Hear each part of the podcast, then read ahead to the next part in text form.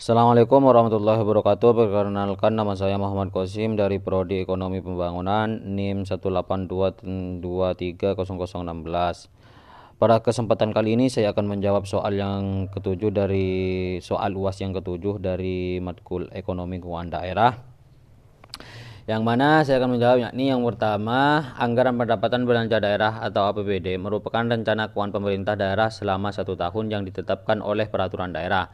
APBD dapat dijadikan sebagai sarana komunikasi pemerintah daerah kepada masyarakatnya mengenai prioritas pengelok, peng, pengolah, pengalokasian yang dilakukan oleh pemerintah daerah setelah berkoordinasi dengan pihak legislatif atau DPR.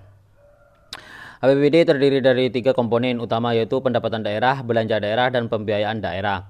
Pendapatan daerah terdiri dari pos pendapatan asli daerah PAD, pos dana perimbangan, dan pos lain-lain pendapatan daerah yang sah. Di dalam pos PAD ada komponen pajak daerah dan retribusi daerah yang merupakan sumber pendapatan utama dari pemerintah daerah itu sendiri yang diperoleh dari wajib pajaknya.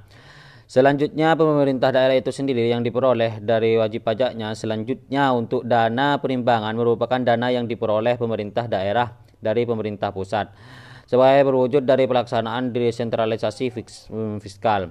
Selain sumber pendapatan yang diperoleh dari daerah tersebut dan pemerintah pusat, pemerintah daerah juga memperoleh pendapatan dari daerah lain yang berupa komponen dana bagi hasil pajak hmm, pajak dari provinsi dan Pemda lainnya yang ada di dalam pos lain-lainnya pendapatan daerah yang sah.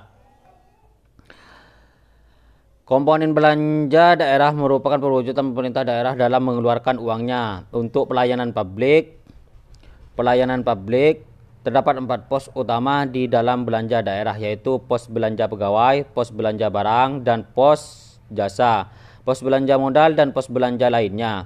Melalui belanja daerah ini diperoleh informasi prioritas belanja yang dilakukan oleh pemerintah daerah yang dapat berdampak pada kesejahteraan warganya. Dalam APBD, Pemda dapat merencanakan defisit atau surplus APBD. Pada kenyataannya, di dalam dokumen APBD sering kali terjadi defisit daerah. Divisi daerah dapat ditutup dengan pembiayaan daerah. Pembiayaan daerah terdiri dari dua pos yaitu penerimaan pembiayaan dan pengeluaran pembiayaan. Pemerintah daerah memiliki kecenderungan untuk menutup defisit daerah dari sisi lebih perhitungan anggaran dalam dalam kurung silpa. Tahun anggaran sebelumnya atau dengan melakukan pinjaman daerah atau obligasi daerah yang berada di pos pemerintah pembiayaan. Pos pengeluaran pembiayaan juga memiliki dua APBD 2020 Yogyakarta dibuat defisit karena komponen utama yang banyak digunakan oleh Pemda yaitu penyertaan modal dalam kurun investasi daerah dan pembayaran pokok utang. Guna melihat penganggaran yang dilakukan oleh pemerintah daerah selalu selama satu tahun ini, Direktorat Direktorat Menurut saya atau alasan dan saran saya, karena evaluasi pengelolaan dan informasi keuangan daerah, mm, mm, Direktur Jenderal Perimbangan Keuangan menyusun ringkasan APBD tahun 2020 untuk memberikan informasi atau gambaran mengenai APBD di 542 pemerintah daerah.